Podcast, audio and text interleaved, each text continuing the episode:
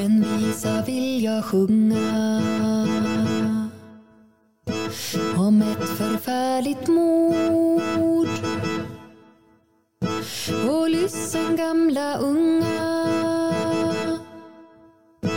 Det hänt i höga nord. I Jämtlands sköna dalar. Anna hade en olustig känsla i kroppen där hon låg i sängen. Innan hon hade sagt godnatt till nattgästen, den där gårdsfarehandlaren, Rosengren var det väl va? Då hade han gett henne en blick som fick blodet att isa sig i hennes ådror. Vem var han? Vad var han? Skulle han betala för sig innan han gav sig av från gården? Ja, egentligen spelade det kanske ingen roll, bara han försvann och helst aldrig kom tillbaka. Anna låg nu vaken och lyssnade i mörkret. Hon andades tyst och lätt för att höra något från den här nattgästen. Gästrummet låg ju alldeles intill hennes egen sovkammare och man brukar alltid höra gästernas suckar, snarkningar eller när de vände sig i den där knarrande slafen. Men den här Rosengren, han var så tyst. Han var tyst som döden. Efter en timme så somnade hon ändå. Ni vet när det är så mörkt och så tyst, så om man är så här trött, då tar det ju till slut ut sin rätt. Och nu sov hon. Hon skulle aldrig vakna upp mer. För döden var verkligen på besök. En visa vill jag sjunga, den är alldeles ny. Den handlar om ett mord som begåtts i Långåby. I vackra Härjedalen där landsvägen drar fram. En ensam kvinna bodde helt lugnt vid Ljusnans strand. En fånge kommer vägen, han har så mörk uppsyn Hej igen och välkommen till Arkivpodden och vår serie Dokumenten berättar. Jag heter Martin Ahnström och vi sänder precis som vanligt ifrån vår arkivstudio här på Arkivvägen 1 i Östersund. Idag blir det en lite annorlunda podd. Vi ska både prata om och lyssna på ljudmusik ifrån förr i tiden. Det ska handla om händelser som sen blev visor eller så kallade skillingtryck. Dagens gäst är Jim Hedlund, pedagog på Riksarkivet i Östersund. Välkommen tillbaka Jim. Mm, tack så mycket Martin. Idag ska vi prata om musik Ja, ja, och även lyssna på musik som ni såklart har fått höra här innan. ja, det kommer ju att bli lite mer en mix av händelser och uppteckningar och visor och skillingtryck som vi har hittat här i arkiven. Då. Ja, precis. Innan vi går vidare så tror jag att vi måste förklara vad skillingtryck är för lyssnarnas skull. Ja, ja, ja, skillingtryck det är ju benämningen på de här vishäftena som man tryckte för och sålde, framförallt under 1800-talet. Och, och grejen var att de kostade just en skilling, kring en skilling ungefär. där. Okej. De var ju ofta också vikta i ett enda ark, man vek dem så att det blev åtta sidor alltså. Ja, just det. Och, och de flesta förknippar ju skillingtrycket med visor med massor av verser och jämmer och elände. Va? Och så sjungs det ju ut i ett vackert sorgligt skimmer där. Ja. Men eh, ja, skillingtryckerna behöver ju inte bara handla om sorgliga och skrämmande saker. Men Nej, nej. det är nej. det de har. Ja. Ja, vi, vi återkommer lite mer till skillingtryckens historia senare. Jajamän. Ehm, idag så har vi ju, det är ju som ett samarbete det här. Ehm, de som framför musiken idag, det är ju inte vi. utan det är en annan nej. grupp eh, Ja. som kommer ifrån ett projekt som, som du hade tillsammans med folkmusikgruppen Triakel. Ja. Ja, som bland annat eh, blev en skiva, Händelser i Nord. Mm. Ja, det, det, man kan väl säga det blev lite som folkmusiker möter arkivnördar. Ja. Ja, nej men jag måste säga att jag var ju inte helt ensam om det här från oss i arkivvärlden. Vi fick faktiskt stor hjälp från Mona Bergman i, Härnösand, alltså Riksarkivet i Härnösand. Så det var bra också. Men, men eftersom det inte bara, ja det blev ju så, det handlar ju inte bara om visor här från Jämtland utan även från övriga Norrland. Också. Mm, ja, Mm. just det. Ehm, men Jim, Ja, lite mer om Triakel. Eh, vilka är det som ingår i den gruppen? Och vad spelar de för musik? Ja, Triakel de bildade den här folkmusikgrupp som du sa. De bildades 1995 och de består ju, det, man hör ju det, det är tre medlemmar då. Mm. Eh, Det är Kjell-Erik Eriksson på fiol och så har vi Emma Herdelin på fiol och sång. Och så har vi Janne Strömstedt på tramporgel. Det hör ju vilka. Det är Wow. väldigt genuint så här. Det är ju kanske ett instrument man inte hör så ofta. Nej, nej, det är häftigt. Ja. Och de här har ju haft stort intresse för den svenska vistraditionen. Då. Särskilt från våra egna hembygder. Då. Mm. Här, I det här fallet blir det Jämtland, Härjedalen och Hälsingland då, eftersom Herdelin är med här. Så då. Mm. Och Triakel de har väl hunnit med att göra en sju skivor tror jag av sin genre och de har fått mycket positiv uppmärksamhet både nationellt och internationellt. Mm. Och de har ju, brukar ju turnera runt och då har de turnerat runt i mer än 15 länder ute i Europa och både i Nordamerika och i Asien. Jaha, oj. Ja. Ja. Men din uppgift i projektet var alltså att leta efter visor och skilningtryck i arkiven då, eller ta fram material till musiken? Ja, och delvis var det ju så. Så var det en annan sak också att jag fick ju göra research och försöka hitta sanningen bakom de här gamla skillingtryckerna. Så- Mm. Mm. Och, och det blev ju de här som Triakel hade valt att spela in på sin skiva. Då. Ja, just det. Och för, för de här låtarna, de här visorna, de har ju faktiskt uppstått kring riktiga händelser. Och, och vad, ja, men vart går man om man vill göra en historisk forskning, Mart- Martin? Vart, vart kan man gå då? Ja, man går till Wikipedia tror jag och söker. Martin, Ja, eller så kan man komma hit till arkiven. man går till källorna, till Mm. arkiven. Nej, men det här projektet ger ju även en inblick om det här enorma utbud som finns i våra arkiv. Och, och just att arkiven kan vara en resurs på så hemskt många olika sätt. Ja, ja det är ett bra exempel. Mm. Men eh, Jim, Mm. dagens inledning då? Ja. Den är ju riktigt ruskig. Finns det alltså en verklig händelse bakom det här mordet? Ja, det var, här var ju en kort faction, alltså en faction kring ett mordfall som senare skulle bli ett skillingtryck. Är det ju. Ja, just det. Och med faction så menar man att man gör en fiction av en verklig händelse. Ja, Ja, ja och, och den här är ju en faction på Långomordet. Och den här finns ju med på den här Triakels skiva. Då. ja roligt. Mm. Ska jag lyssna lite mer? Jajamän. En fånge kommer vägen, han har så mörk uppsyn. Hans ögon blickar kallt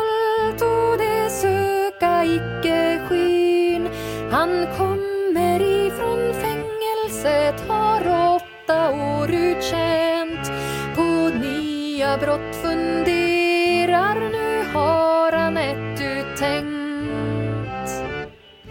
Han fram till torpet kommer där kvinnan ensam bor. Och går så in i stugan se god afton kära mor. Jag är en fattig vandrare kan ni mig låna hus? På golvet kan jag ligga det blir dagen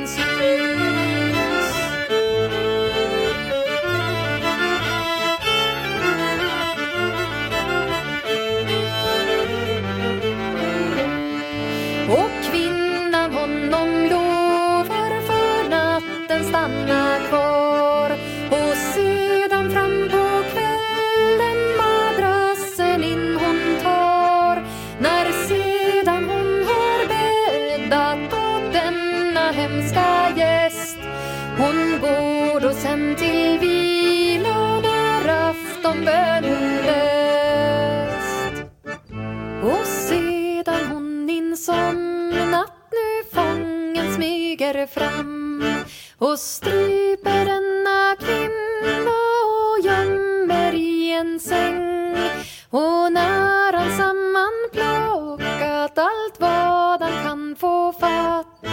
han låser sedan dörren och går där samma natt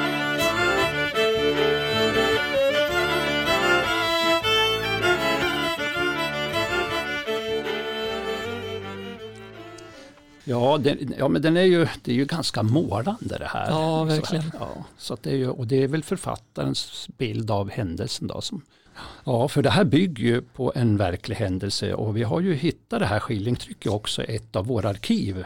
Och eh, som vanligt så har ju vi tagit upp en box här. Det är ju nämligen fol- folkskollärare Olof Jansson i Svegs arkiv, ser du här i en av boxarna. Och, Eh, och det är en arkivkartong. Ja. En helt vanlig arkivkartong, gul. mm, Med en massa papper i. Handskrivna papper ja. i skrivstil. Ifrån när då? Oj, det här är ju från 1800 någonting här. Ja, Ja. Just det, det är så blandat. Det finns riktigt gamla dokument och så här. Men så om vi öppnar här så ska vi se. Så ser du ju här då att eh, direkt så står det Långovisan. Eller eh, Nils Annis visa står det här. Ja, Jag vet det, det Nils Anne, det kanske var den som är upphovsman då. Jag, det kommer ju inte så fram. kan det ju vara. Ja, så kan det men han har skrivit ner den här då. Och, eh, men du, om, titta på den här kartongen också. Du ser, det, här, nu- det, det står i långovisen så är det lite mord och grejer. Kolla på arkivnumret på kartongen Martin. Ja, just det. Jag såg det tidigare. Nummer 13 Nummer 13. handlar om mord. Mhm. Nu hamnar de i volym nummer 13. Mm. Ja, Precis. det ju. Eh, och Långå då? Ja, Det ligger i Hede socken Ja. här i dalen. ja, det ligger ju vid Hede socken då. Så Ja. att, det, det är ju.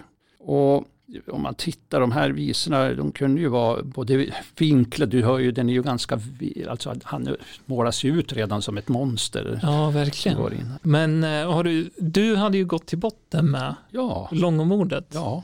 Vad var det som egentligen hände? Ja, och men eh, stämmer det överens med, med ja. visan? det här kunde jag ju liksom lägga, eh, ur olika arkiv kan man ju lägga pussel och få fram, och just här blir det ju en skrämmande berättelse. Man kan ju också, man tittar ju både i domböcker och från privata anteckningar här då, Ja, just det. eller uppteckningar och då, och, Ja. och, och då kommer det ju, det spelas ju upp en ganska eh, otäck historia det här. Han finns ju liksom på bild också, man kan ju gå ut på om man går ut på till exempel eh, Riksarkivets digitala forskarsalen så har du ju också där frigivna strafffångar Ja, ja, en, okej. en, en kon. Då kan man trycka på just den här Karl Olof eh, Olofsson Linkvist så får du upp en bild på honom också. Det, han, han ser ju riktigt farlig ut på den där bilden. Han har ett otrevligt utseende Ja. på bilden. Ja, ja. Så kan vi säga. Han ser inte ut som någon barnvakt liksom. Så är det. Han ser ut som någon som eventuellt skulle ha strypmördat någon i Långå. Ja, absolut.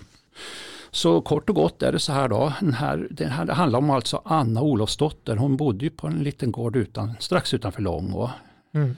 Och hon försö- försörjde sig bland annat att på handelsresande som färdas mellan Sverige och Norge. Då erbjöd hon dem både mat och logi ja, till en billig penning. Man kan säga det var som en, en liten gästgiverigård, faktiskt lite Mm. mindre slag. Då. Mm. Och under hösten 1886 eh, då fick hon besök av en gårdsfarihandlare. Han hade ju sagt det så vid namn Rosengren. Och det här besöket är ju det då som visar sig vara mycket ödesdigert för Anna Olofsdotters del. Då. Han Ja. hette ju egentligen Karl Olof Olofsson Linkvist. Och han var ju egentligen en man som hankade sig fram i, genom att både misshandla och råna folk som han mötte på sina vandringar. Han hade ju flera fall Oj. innan det här. Då, så här. Det låter inte som en trevlig typ. Nej, han hade ju suttit i fängelse för eh, grov våld, alltså fem gånger innan. Så han Okej. var ju sedd som en mycket farlig och våldsam människa. Alltså. En serieförbrytare. Ja, Ja. och jag tänkte det, Karl tänkte nog aldrig betala för sin vistelse heller eh, här, utan natten mellan den 11 och 12 september, då smög han ju ut ur sitt övernattningsrum och, och då sov ju Anna där. Och, och hon visste ju inte att, som, det, som vi sa, döden var på besök. Så Olof smög sig ju fram till hennes säng och så ströp han henne medan hon sov. Usch. Ja. Och, och så efter dådet gömde han hennes kropp under madrassen i sängen och han bäddade så noga att man inte kunde se att hon överhuvudtaget var där inne. Va? Okej. Ja. Och sen tog han ju med sig då vad han, vad han tyckte var av värde. Det blev två fickur, en, en plånbok, kaffekannor, kaffe förstås och några sockertoppar. Och sen låste han och lämnade gården. Mhm. Mm. Vad Och- hände sen då? Ja, hon, efter ett tag så märkte så var väl folk som saknade henne och så här så att eh, och, och eftersom kroppen var så väl gömd i här så tog det ju någon vecka innan man hittade henne alltså. Så den här Ja. eh, mördaren han fick ju ett stort försprång. Så. Ja.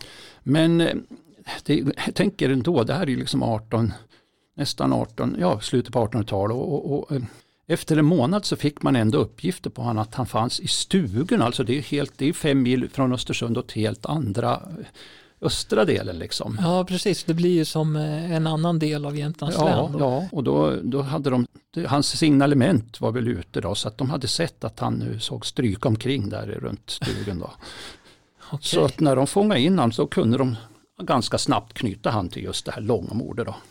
Kunde de koppla honom till några andra brott också? Eh, Just då han hade redan ett, jag tror att eh, det, det redan fanns med det han hade gjort tidigare. De försökte okej. väl fälla honom för någon misshandel där men det gick inte riktigt då. Nej. Men det räckte ju med det här alltså. Ja, ja, ja, men klart. Så han dömdes ju till livstidsfängelse på den tiden. Han fick 25 års straffarbete. Okej. Ja. Och eh, som sagt, går man ut då på den här digitala forskarsalen så då, då kan ni få en bild av honom så här. Mm. Mm. Mm. Och nu så blev han jagad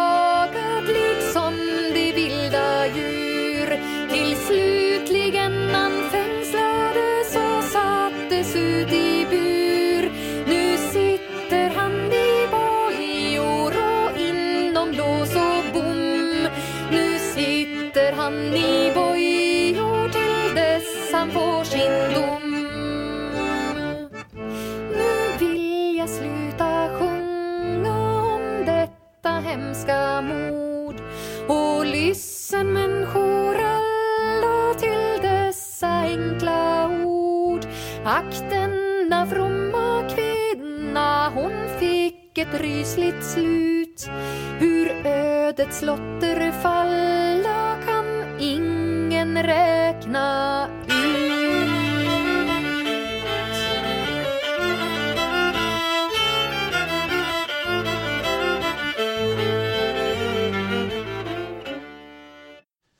Ja, mycket spännande och Ja. en skrämmande och häftig tolkning som Triakel har gjort Ja. av skillingtrycket. Ja, ja, ja. Det, men tillbaka till skillingtryckens historia lite grann. Vi ska prata mer om skillingtryck. Mm, Eh, mm. Har innehållet på skillingtrycken förändrats över tiden? Ja, det måste man ändå säga. Alltså den här genren med sorg, ond, bråd död, de, det växte ju väldigt starkt under 1800-talet. Ja, Men eh, som sagt, det var ju ofta en verklig händelse bakom visan. Man kan väl säga att skillingtrycken blev ju en motsvarighet till dagens skvallerpress i kombination med Spotify kanske. Det, ja det är väl precis. ganska bra. Ja. Alltid samma. Jajamän. Men eh, innan 1800-talet då? Hur, Ja, hur var skillingtrycken då? Det var, ju, det var mer blandat då tror Ja. jag. Det, det, de, jag kan säga Sveriges äldsta skillingtryck som vi vet som finns då, det är ju från 1583. Det handlar om en ädel kvinna Rom som tar sitt liv efter skammen att ha blivit våldtagen av en kungason, du hör ju. Vet du. Aj, aj, aj. Ja. Och den visan har ju en andlig och religiös ton och det var ju det från början så de var. va. Mm. Eh, Man kan ju säga, grovt säga att de äldre skillingtrycken från den här tiden, och 1600-talet, innehåller huvudsakligen andliga visor. Då. Mm. Men så kommer det in mer folkvisor och vaggvisor och Mhm. ballader om äldre tider och då lyfts det upp ett annat skimmer. Det var ju som sagt bättre förr, så har man ju alltid sagt. Sådär. Mm. Under 1700-talet däremot, då började det ploppa upp visor med mer propaganda.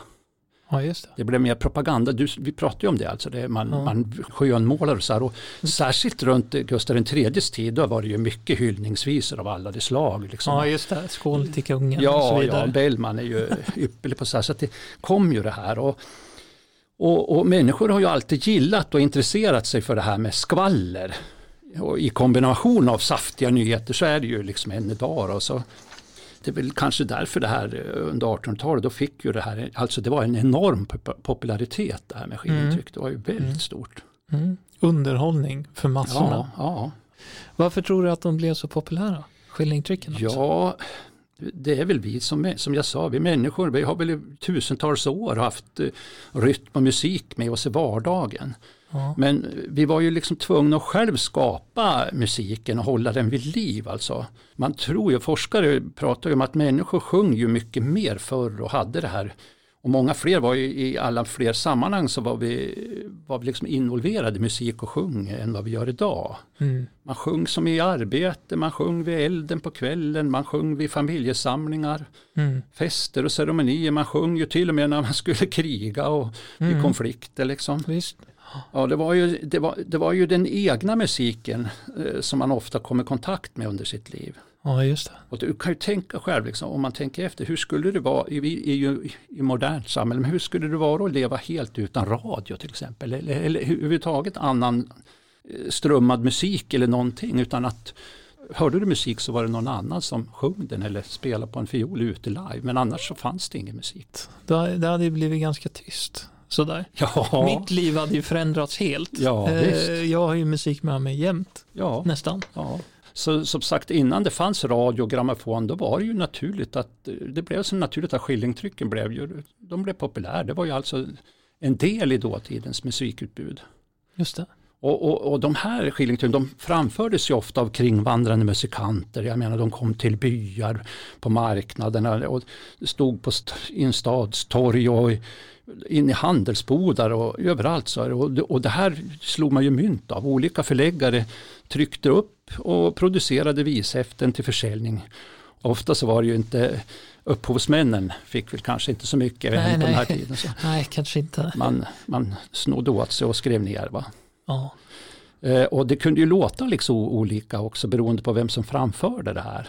Mm. För det fanns nämligen inga noter till visorna. Alltså, det kunde finnas melodiförslag som var tryckt, alltså den ska sjungas enligt det här. Då. Mm. Ja. Och det finns ju riktiga hits som man säger som alla känner igen. Mhm. Jättemånga Mm. hits. Ja, Som nästa låt kanske.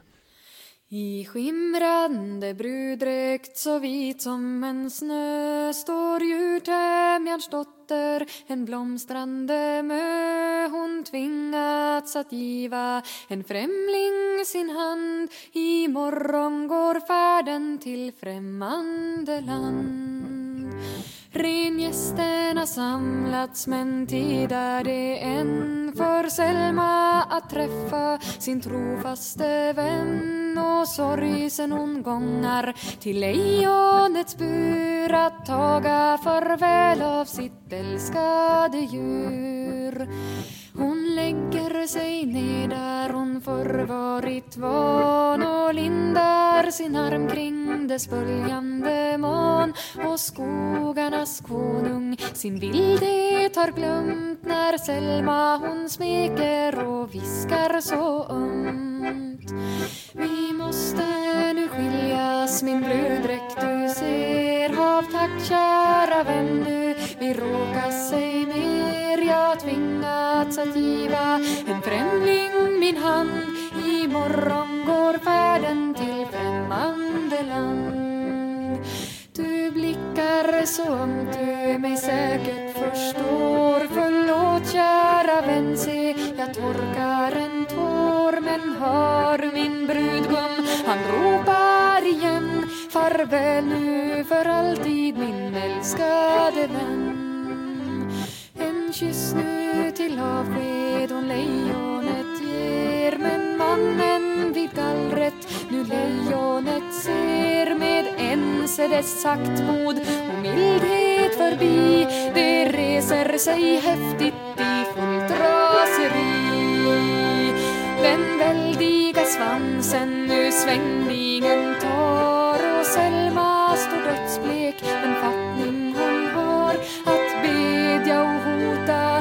fåfängt beslut för dörren står djuret hon slipper ej ut.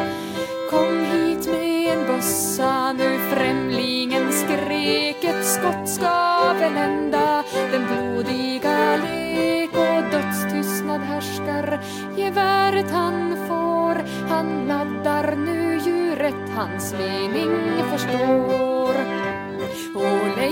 lejonet rasar i fängslande bur. Vill Selma försvara men vet icke hur. Ett rytande skallar Barmhärtige Gud. I stycken slet lejonet främlingens De druckit den älskades blod de lägger sig stilla med nedslaget mod vid bleknande liket de väntar få tröst en kula som mördande sårar dess bröst Eh, jag känner ju igen visan och det gör kanske de flesta.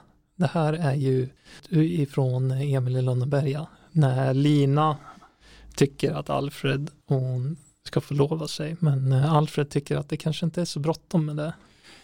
Nej, De sitter ju och vänslas där bakom Ja, husknuten och, och, och då sjunger man ju skillingtryck kanske för Ja. sådär. Hon sjöng väl och han spelade Ja, dragspel. Precis. Ja. Ja.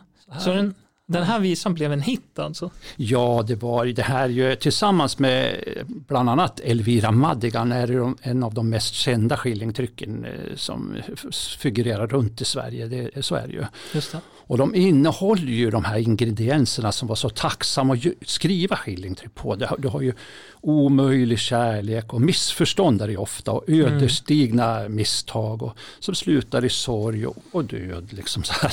Är Aj då. ju, ja. Och, och den här eh, visan, men det vet jag inte. Jag kan inte säga att den är belagt att det byggs på en verklig händelse i och för sig. Men Elvira Madigan var ju det. Så var det ju. Mm. Eh, Men eh, den ska ju vara upptecknad av en tysk skald, Aldebert von Chamisso. Jaha. Och den publicerades första gången 1838. Men den kom ju inte ut på marknaden i Sverige som skillingtryck förrän 1890, precis den där tiden när Elvira Madigan och, Okej. och har Ja. ju blivit sjung, insjungen på massor med gånger. Alltså. Så ja, det kan jag tänka mig. ja. Och det är någonting som du har funnit i arkiven också? Nej, nej, ja, nej, inte här. Alltså det, det, men det finns ju, ka, kanske finns det något exemplar på något av person, privatarkiven någonstans i, inom Riksarkivet Okej. på en annan ort. Men, men annars så finns de här båda två förstås i Svenska visarkivet eller på KB, alltså Kungliga biblioteket i Stockholm. De har ju över tu- 20 000 vishäften och skillingtryck. Alltså, det är ju Oj, en enorm samling. det är en, ja det är massor med olika skillingtryck. Ja, det är ju En sanslöst. riktig skatt. Ja. Men har du några fler exempel på skillingtryck som innehåller just de här sorgliga ingredienserna som är så typiska för skillingtrycken? Olyckor av olika slag var väl också någonting som man gjorde visor av, eller? Ja, och du har ju den här hemska drunkningsolyckan i Häggsjön 1883.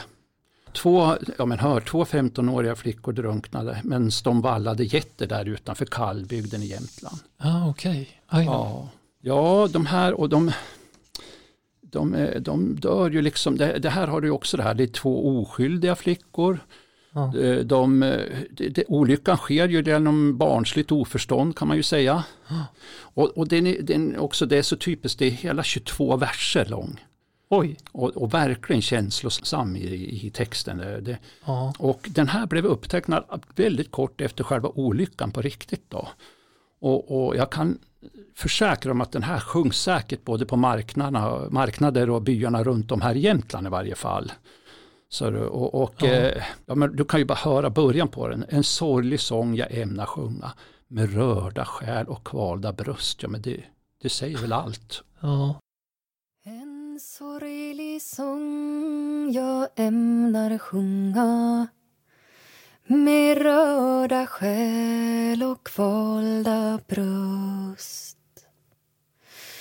Rör själv, o Gud, min tröga tunga Hjälp mig att stämma upp min röst att sjunga om det tvenne unga som drunkna där vid Häggsjöns strand.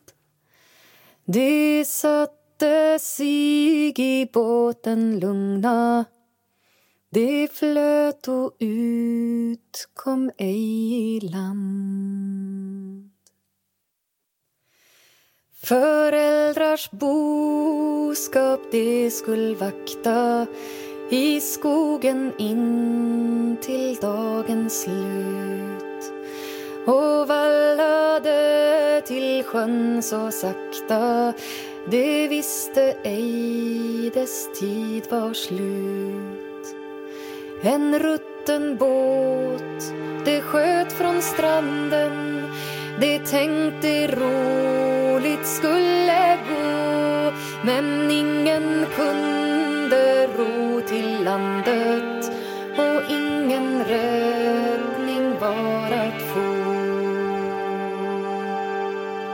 En tredje yngre liten flicka i samma sällskap hon var med. Tills hon på sjön och båten blicka då vill hon icke följa med. Hon tyckte det skulle farligt vara att ge sig ut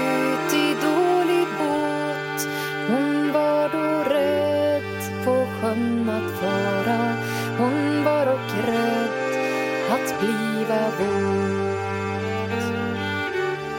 Snart fick hon se vad följden bleve Snart fick hon höra nödens rop. Ty vinden dem från landet drevo Det var då i en dyster grop. Med skräck och gråt hon skyndsamt springer till deras fars och moders hem. Ett sorgligt budskap hon frambringar och bud som skyndsam hjälp för dem.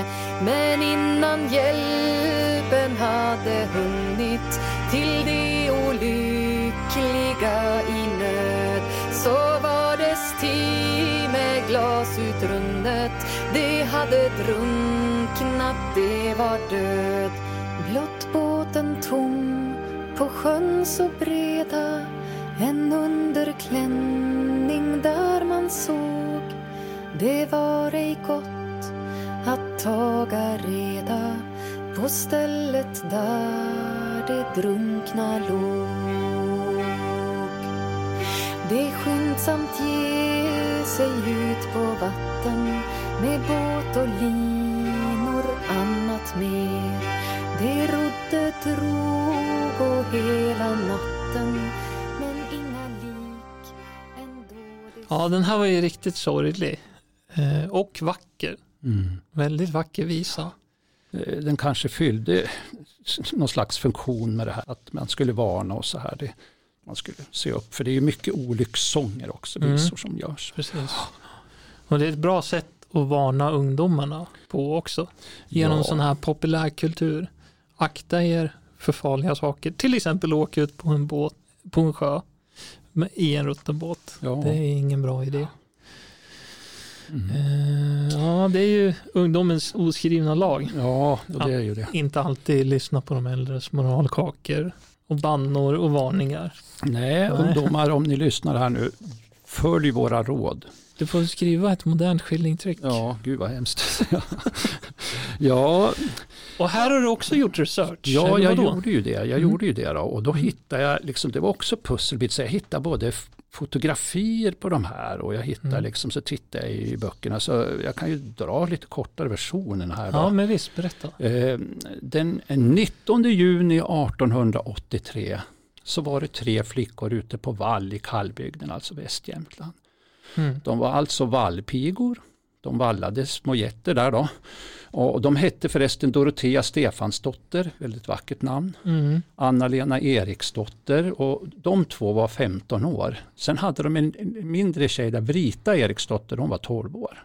Eh, hur som helst så gick de ju ner runt Häggsjön och då hittade de, de, det var massa båtar där men de var fjättrade, alltså kedjade. Men Mm. de hittade en båt som inte var det då. Nej. Och, och den var ju väldigt rutten. Det fanns en anledning till Ja. att den inte var fastlåst. Och de här eh, flickorna liksom sa, men vi kunde ju ro ut en dag en tur på sjön där. Men, men den yngsta flickan här nu då, hon var väl klokast, hon vägrade ju hoppa i den. Mm. Eh, och, men de andra hade ju till och med retat henne lite, skrattat och retat henne. Och så hade de gett sig ut på sjön. Men de Mm. kom ju snabbt ut för det var frånlandsvind så att de kom ut på djupvatten. Och runt Kallsjön, det är ju jättedjupa sjöar där. Ja. Och det kan blåsa ordentligt också. Ja, det hade väl liksom bara blåst upp en stund där. Ja. Och så började de ju ta in vatten då. Nej. Och de försökte väl ro i landet men det gick som inte. De snurrade bara runt. De fick väl panik där då. Ja. Och, och, och den här lilla yngre Britta, hon som stod vid land, hon såg alltihop och hörde liksom deras rop på hjälp och hur de gre, skrek och grät. Det, liksom, det var ju panik där ute. Då. Såklart. Så hon sprang hela vägen hem till den här byn för att hämta hjälp. Men det var väldigt långt då. Och Mm. det, det tog ju lång tid innan liksom hjälpen kom fram och då, och då var det ju för sent. Då. Ja. Och så man fick ju dragga och leta efter dem då, man draggade ner i sjön och man hittar ju inte de här flickorna förrän dagen efter. Va? Nej. Och, och det här var ju liksom så här i början på, på juni och bara tre veckor efter på midsommardagen då, då hölls den här begravningen av de här båda flickorna i Kalls kyrka. Mm. Så hittade vi det och, och Ja. ganska omgående så kom den här skillingtrycket ut också. Ja. Tragisk historia. Ja, ja det är fruktansvärt. det är Usch. det. Eh, och eh, Triaker, de har ju inte bara sjungit in den här på sin skiva här nu då, Händelser i Nord, utan det finns en video på det här också på Youtube. Den, och så finns det ju arkivmaterial från Kalls porträttarkiv, ja, porträttarkiv här, Okej. på de här flickorna. Då. Så, Jaha, de finns med i porträttarkivet? Ja, Ah, jaha. just det. det. Så det, jag fick leta och, och det är det här som är så var spännande, även om det handlar om liksom, så är det ju spännande. Vi kunde ju liksom lägga pussel som sagt, som jag sa. Ja, ja. ja, men du Jim, Mm. här var det sorgligt och finstämt på samma gång. Mm. Har du inga gladare exempel? Jo, vi har ju det. Något som inte bara Ja. handlar om mord och olyckor. Ja, och... precis. Och det finns också med på Händelser i Nord och den här väger ju upp allt. Jag tycker den här är så himla härlig på något sätt. För det, man, den här blir ju spritt glad av. Då. Vilken då? Ja, men den heter ju Hammerdalsvisan. Det är ju en hyllning till Hammerdalsbygden och, och i varje fall till alla de här mysiga flickorna som bor där. För det, den här mannen som skrev den här bodde inte, han bodde i, i, i Sydjämtland, men han, han hade väl troligt, ja det, jag vet det, vi lyssnar hörru. Ja, men vi gör det. Jajamän. Ja. Och tjo-littan littan hade då och tjo-littan littan hade då då jag var liten jag ofta tänkte på stjärnorna som på himlen blänkte. Och ska jag ej från denna jämmerdal få komma längst in i Hammerdal? Och tjo och littan littan hade ralla och tjo och littan littan hade ralla. Och ska jag ej från denna jämmerdal få komma längst in i Hammerdal? För där ska finnas så rara töser med kinder röda som mogna kröser. Och just för andra jag dejtat har det må man veta i Hammerdal. Och tjo och littan littan hade ralla och tjo-littan mittan hade ralla och just för andra jag dejtat har det må man veta i Hammerdal.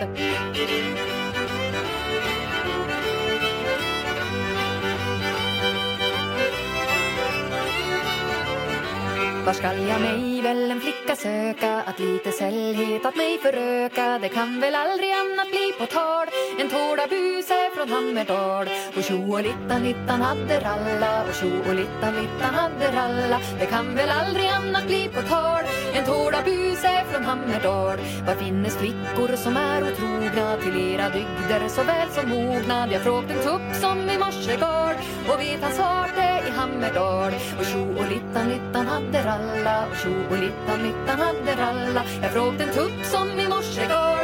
Och vi han svarte i Hammerdal. I Sverige är man och män man vandrar allt ifrån Ystad till Haparanda. Utrikes herreman i Portugal men fan så säkert i Hammerdal. Och tjo-littan littan hade ralla och tjo-littan littan hade ralla. Utrikes herreman i Portugal men fan så säkert i Hammerdal. Men skulle det nu så tokigt vara att inte vi får till himlen fara När döden kommer och det blir på tal då får vi flytta till Hammerdal När döden kommer och det blir på tal då får vi flytta till Hammerdal ja, den där var fin. Tack Hammerdal. Ja, Dit kanske man skulle åka någon gång. ja Det här var ju en bra marknadsföring. Ja, ja, ja, herregud. Och det kan jag tänka mig att det var på den tiden också. Ja, kanske det. Ja, Världens turistboom. ja, ja i varje fall ungkarlar som får. Det roliga här då, det var ju att han varken, skri, han som, ja, han varken bodde eller hade sitt ursprung här i Hammerdal. Så det är ju Nej. ingen eh, hyllning till hembygden heller utan eh, jag Nej. vet inte, han måste ju egentligen ha haft någon slags erfarenhet av någon tös därför. Alltså jag får ju till det så. Va? Han måste ju ha träffat på en liten god tös därifrån och, och, och så blev det så här då. Ja, det känns kanske som det. Och då, och, och då kan man väl säga det här att om det är så då, så, då borde ju den här bygga också på verkliga händelser ur verkligheten. verkliga händelser ur verkligheten.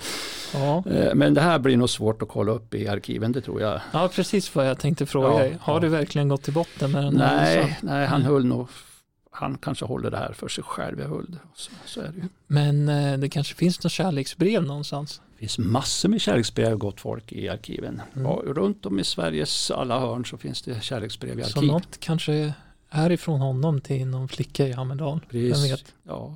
Mm. Ja, Okej Jim, tack så mycket. Det var egentligen allt vi hade idag. Tack för ett intressant ämne. ja, men tack själv Martin. Jättetrevligt. Ja, kul att vi fick lyssna på musik här i podden också. Ja, ja, Ja. vad kul. Stort tack till Triakel som har låtit oss använda deras musik Mm. och eh, som framför den så fint också. Tack så hemskt mycket. Mm. Vi säger väl klart slut från Arkivstudion i Östersund. Tack alla ni som lyssnar på våra poddar och som fortsätter att följa oss. Det kommer snart fler intressanta poddar där dokumenten berättar. Hej!